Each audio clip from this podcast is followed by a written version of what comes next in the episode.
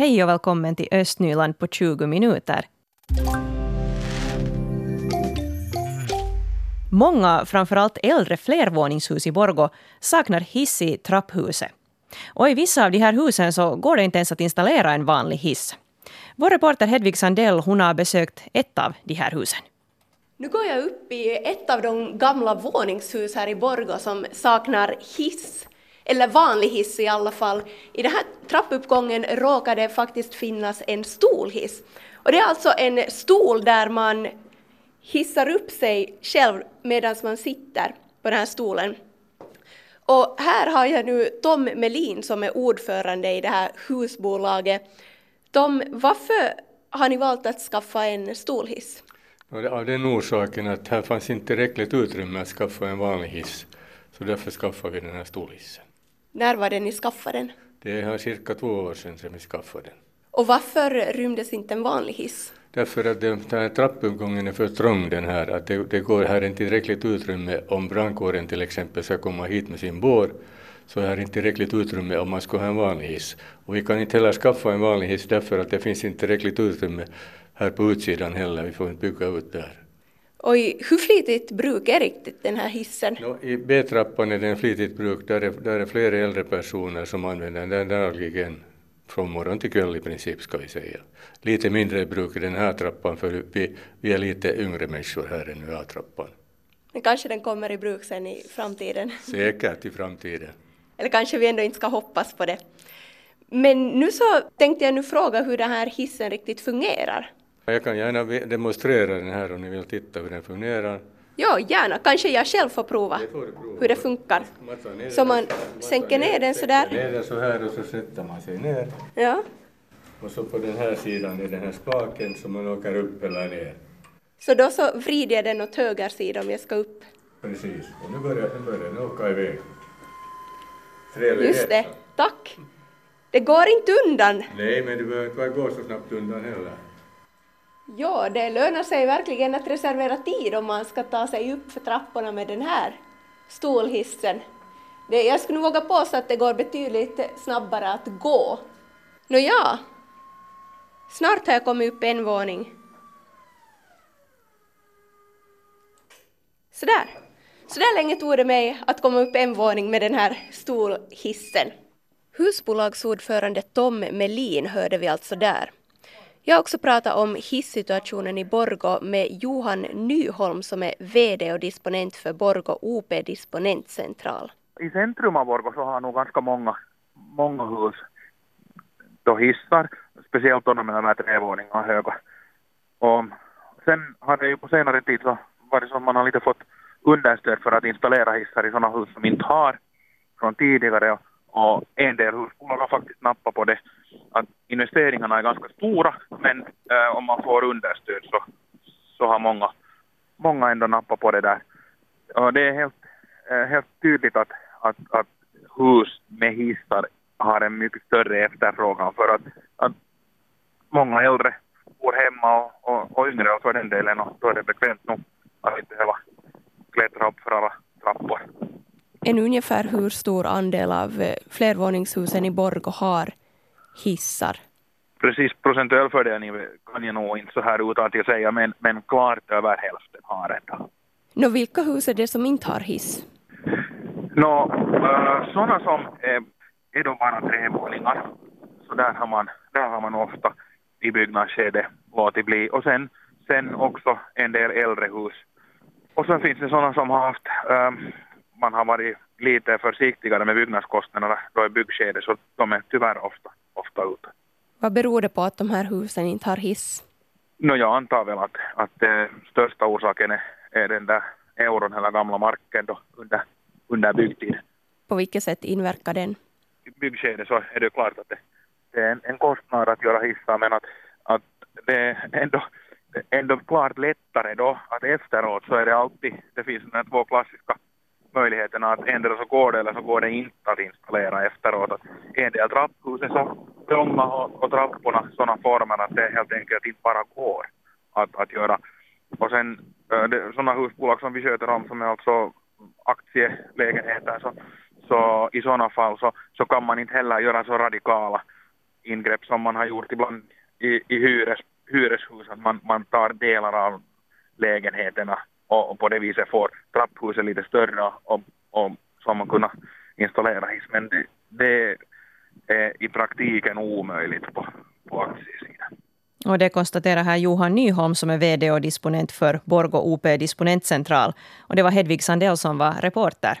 Om ni vill se en liten video av hur det såg ut när Heddy prövade den här stolhissen så har vi en video där på svenska.yle.fi östnyland. Har ni funderat på hur det känns att vara med om flera organtransplantationer? Kanske inte så enkelt alla gånger. Uh, ibland är det den enda behandlingen som gäller om man har vissa kroniska sjukdomar till exempel. Tony Eklund är Borgobo och han lider av kroniska inflammationer i tarmarna och gallvägarna.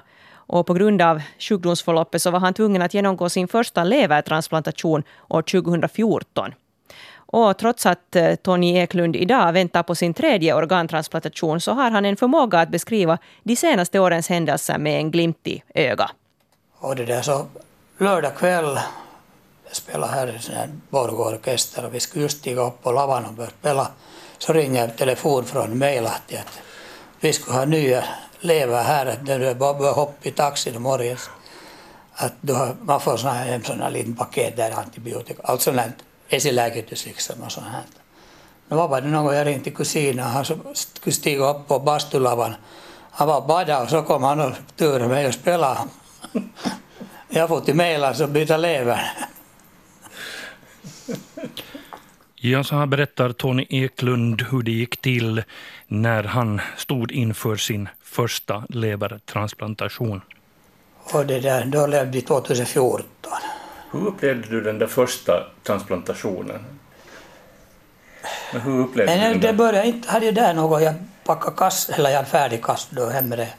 Sen när man satt i taxin och började ringa liksom runt, att nu far jag. Så det blev liksom hårt. Men sen det där, nåja, och sen började det nog gå något vis med det lever, men det var sen, sen fick jag liksom problem med gallan, gallvägarna. De blev så trånga dit att fast jag inte har gallan mera, men den producerar ju galla. Människan, och vi behöver ju galla hela tiden till mat, allt sånt här som. Och de provade ett par gånger att operera, såna här, laga sån här stent, sån här litet, litet rör och sånt här, liksom, de skulle få större där, att gallan skulle gå bättre. Men det var så trångt inte slapp de sen att så började börja prata sen om, om andra, då, då började det 2017. Att andra transplantationen då att så att nej fan att ska det börja sluta det här nu då. Tre år efter den första transplantationen uppstod dessvärre komplikationer och sådana komplikationer som egentligen har följt med ända tills idag. Nåja, och sen började nog gå något vis med elever, men det var sen, sen fick jag liksom problem med gallan, gallvägarna. De blev så trånga dit att fast jag inte har gallan mera, men den producerar ju galla. Och de provade ett par gånger att operera, sån här, laga sådana här stent, sådana här litet, litet rör och sånt här, liksom, de skulle få större där, att gallan skulle gå bättre. Men det var så trångt inte slapp de sen att men det var, jag tycker att det var så lite lättare då det andra. På vilket sätt var det lättare? No, man visste ju ganska mycket vad det händer sen efteråt och så kände man där och kör in det till operation, eller dit till kirurgen. Ja. Så säger morgon så, så sover man och så vaknar man. Det var det på kvällen, ja, jag ska alltid kvällen in och fem, var det fem, sexton började de operera var det åtta på kvällen var det operationen då färdig, eller då, den där bytet var färdig. Så är man där på intensiva då till följande dag efter, men så väcker de upp en. Trots en fungerande lever så har problemen med gallvägarna fortsatt. Och I våras inleddes diskussionen om en kombinerad transplantation, det vill säga en ny lever och två nya njurar. Men det var här då i, tidigt på våren så med den här Mäkisalo, en av de bästa säkert kirurgerna av de här, så var det tal om en sån här kombi, kombisire kallar de det. Mm. Att de byter då levern också och njurarna. För att njurarna börjar bli så slut att de har nu tvinnat det med alla mediciner och allt genom det här så de orkar inga mera. Så att. Men byter de då båda eller bara ena? No, jag har fått riktiga frågor här på avdelningen. Ja. De skulle kolla att räcker det med en eller tar de båda. Mm. Men de sa där då, han där Mäkisalo att, att det går bättre att de strider inte sen i, emellan liksom nu, när det är från samma person. Mm.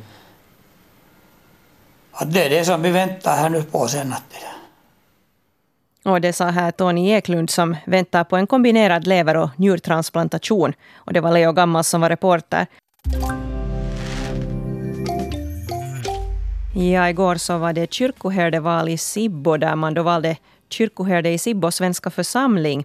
Och det var församlingsmedlemmarna som fick välja sin nya kyrkoherde. Ibland är det församlingsråden som väljer kyrkoherde, men i Sibbo hade man den här lösningen.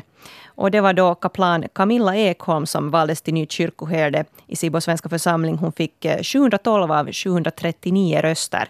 Och det var alltså då 96,3 procent av rösterna i valet. Och den andra kandidaten det var kaplan Karl av Hellström som är bekant där från Agricola svenska församling i Lovisa.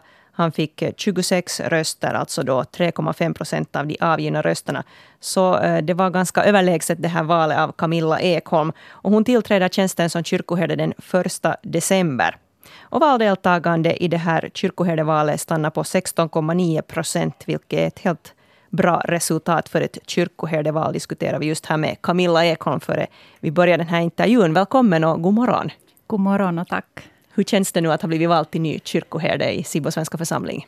No, det känns omtumlande och, och jätteglad är jag förstås. Och, och det där ser fram emot att, att, att få börja jobba sen i, i december och, och bli installerad som kyrkoherde och få ta itu med de uppgifterna. Så jätteglad är jag. Mm. Och Sibbo svenska församling är inte helt obekant för dig. Du har jobbat nu fem år i, i Sibbo redan som kaplan. Ja, det stämmer. Ja. Vad tycker du att är utmärkande för Sibbo svenska församling? Utmärkande för Sibbo svenska församling är, är nog en slags värme som jag tycker att är påtaglig och som jag har känt av en, ända sedan faktiskt jag steg in genom dörrarna första gången och, och möttes av en församlingsbo som gav mig en varm kram och sa att välkommen. Och, och på något sätt är det den känslan som som jag fortfarande känner av och som jag tycker att, att har burit mig genom, genom alla de här åren. Och, och som också gör att den här församlingen nog har, har, har blivit mig väldigt kär. Mm. Och Helene Liljeström är ju då den person du ska efterträda. Hon har varit kyrkoherde nu, också populär sådan. Hur, hur stora skor blir det att fylla? No, absolut blir det stora skor. Att, att, att, att Helene Helen har varit en, en fin kyrkoherde och är det fortfarande. Och för mig, speciellt som kvinna, så har det varit viktigt att ha, ha också en kvinna som chef. Så att, att jag, jag inser nog att det är stora skor som jag, som jag det där stiger i. Men, men jag är jag och, och, och jag kommer att och, och jobba på mitt sätt och, och, och vara den jag är. Och, och jag hoppas att det bär och tror att det bär. Och, och, och sen har jag också då Helens ledarstil att, stil att falla tillbaka på, vilket jag bara ser som, som en gåva så att, och ingen press. Mm. Vi ska tala lite mer här med Camilla Ekholm om en hurdan kyrkoherde hon vill vara efter El King med Baby Outlaw. Vi har Camilla Ekholm i studion. Hon har blivit vald till ny kyrkoherde vid Sibbo svenska församling igår. Och hon valdes med 96,3 procent av rösterna i det här valet. Så det var en stor majoritet där som ville ha Camilla som kyrkoherde. Eh, Camilla, en hurdan kyrkoherde vill du vara? Eh, jag vill vara en, en, en bra teamledare för, för mina medarbetare. Jag vill vara inlyssnande och stötta dem och, och, och vara med och och lyfta fram deras bra sidor. Eh, överlag vill jag vara en, en närvarande kyrkoherde som jag hoppas att det är lätt att, att prata med och, och, och, och komma nära. Och, och så, så måste jag helt enkelt vara mig själv med den person jag är och, och den personlighet jag har. Att, att jag tror inte att det förändras någonstans i, i och med att jag är kyrkoherde. Att, att mycket kommer att, att vara lika som när jag var kaplan, tänker jag. Men, men förstås också annorlunda. Men, men det där lättillgänglig, inlyssnande, närvarande, mm. inspirerande. Vilka blir dina främsta arbetsuppgifter som du får börja ta itu med? No, no dels att leda personalen. Det blir ju nytt. Så kommer det en hel del administration till som jag inte haft tidigare. Och att leda församlingsrådet. Eh, My, mycket vad gäller administrationen kommer till. Men, men sen kommer jag också, i och med att Sibbo, Svenska församlingen, inte är en jättestor församling, så kommer jag nog också att fortsätta med alldeles vanliga prästuppgifter, vilket jag också är glad över. Förrättningar som tidigare, gudstjänster, själavård, allt vad det innebär att vara präst. Mm. Nå, upplever du att allt är frid och fröjd inom Sibbo svenska församling, eller finns det någonting, någonting där som är något problem som du skulle vilja jobba med? det mesta är nog frid och fröjd faktiskt i Sibbo svenska församlingar. Det är det nog. Att, att, att på det sättet har jag en jättetacksam uppgift att jag får komma in i en församling som, som kyrkoherde som fungerar bra. Och, och där nog st största, eller en stor, stor styrka är, är medarbetarskaran. Där, där vi har en jättebra arbetsgemenskap och anda. Och, och att få fortsätta där och med det så, så känns jättebra. Så jag kan nog inte säga att det finns något specifikt problem som, som jag tänker att det här måste jag ta itu med. Det finns det inte. Ja, just det. Ja, men det låter ju jättebra. Vi har alltså Camilla Ekholm här i studion som har blivit vald till ny kyrkoherde inom Sibbo svenska församling. Eh, vad skulle du säga, hur är det med återväxten på ungdomssidan där i Sibbo? Ungdomssidan eh, är nog stark i Sibbo. Det har den varit i många, många år. Och, och, och där har jag själv också vuxit upp faktiskt på, på ungdomssidan i Sibbo svenska församling. Att, att, idag är jag på väg ut på skribbaläger och, och, och vet att jag har jätteduktiga hjälpledare med mig. Och, och, och, varje år så kommer det nya hjälpledare från konfirmandgrupperna. Att, att, och ungdomssamlingarna är välbesökta. Att, att den, den fungerar nog bra. Och, och där finns ett stort underlag av ungdomar. Mm. Så framtiden ser ljus ut kan man säga. Nu gör det det, ja. ja. Ja. Härligt. Vi får önska dig ett trevligt skribballäger då. Hoppas att ni får njuta av det här fina vädret som åtminstone enligt prognosen utlovas här. Ja, tack ska du ha. Tack Camilla Ekholm som alltså har blivit vald till ny kyrkoherde i Sibbo svenska församling.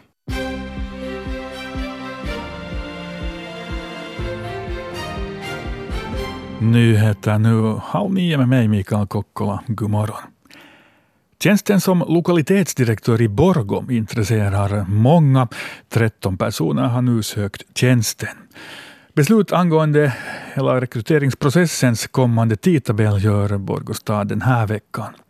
Lokalitetsdirektören i Borgå ansvarar för en fastighetsegendom på cirka 380 miljoner euro och för utvecklingen av den. Det är kaplan Camilla Ekholm som blir ny kyrkoherde i Sibbo svenska församling. I valet fick hon en eh, övertygande del av rösterna, hela 96,3 procent. Allt som allt röstade 739 Sibbobor i valet som avgjordes igår. Camilla Ekholm tar vid som kyrkoherde den 1 december då hon efterträder Helene Liljeström och hon är studiogäst här i vår sändning efter nyheterna. Insamlingen av nyttoavfall i östra Nyland har tagit eh, stora steg framåt. Ett av det kommunala avfallshanteringsföretag Roskenrolls mål har varit att påskynda insamlingen av nyttoavfall i fastigheter. Som det nu är har nästan alla husbolag i östra Nyland med minst fem bostäder egna kärl för bioavfall i husbolag med fler än 20 bostäder finns kärl även för kartong och i husbolag med fler än 40 bostäder finns det dessutom kärl för metall och glasförpackning. I slutet av förra året hade också nästan 300 fastigheter anslutit sig till insamlingen för förpackningsplast och antalet fastigheter ökar hela tiden. I natt är vattnet avstängt till en del fastigheter i Box och Nevas i Sibbo. Orsaken är att kommunen utför monteringsarbeten på vattenledningsnätet. Vattnet kommer att stängas av för några timmar vid midnatt. Det blev inte nytt publikrekord, men nog en klar seger för FC Futura hemma mot FC Joki på fredag kväll. Borgolaget gjorde fem mål och har en målskillnad på 16-3 för de två senaste matcherna i herrarnas division 3. Till centralplanen kom 394 fotbollsvänner. Årets publikrekord i division 3 är 503 personer. Östnyland på 20 minuter är en svenska YLE-podcast. Det finns flera poddar på arenan. Jag heter Katarina Lind. Tack så mycket för sällskapet. Vi hörs.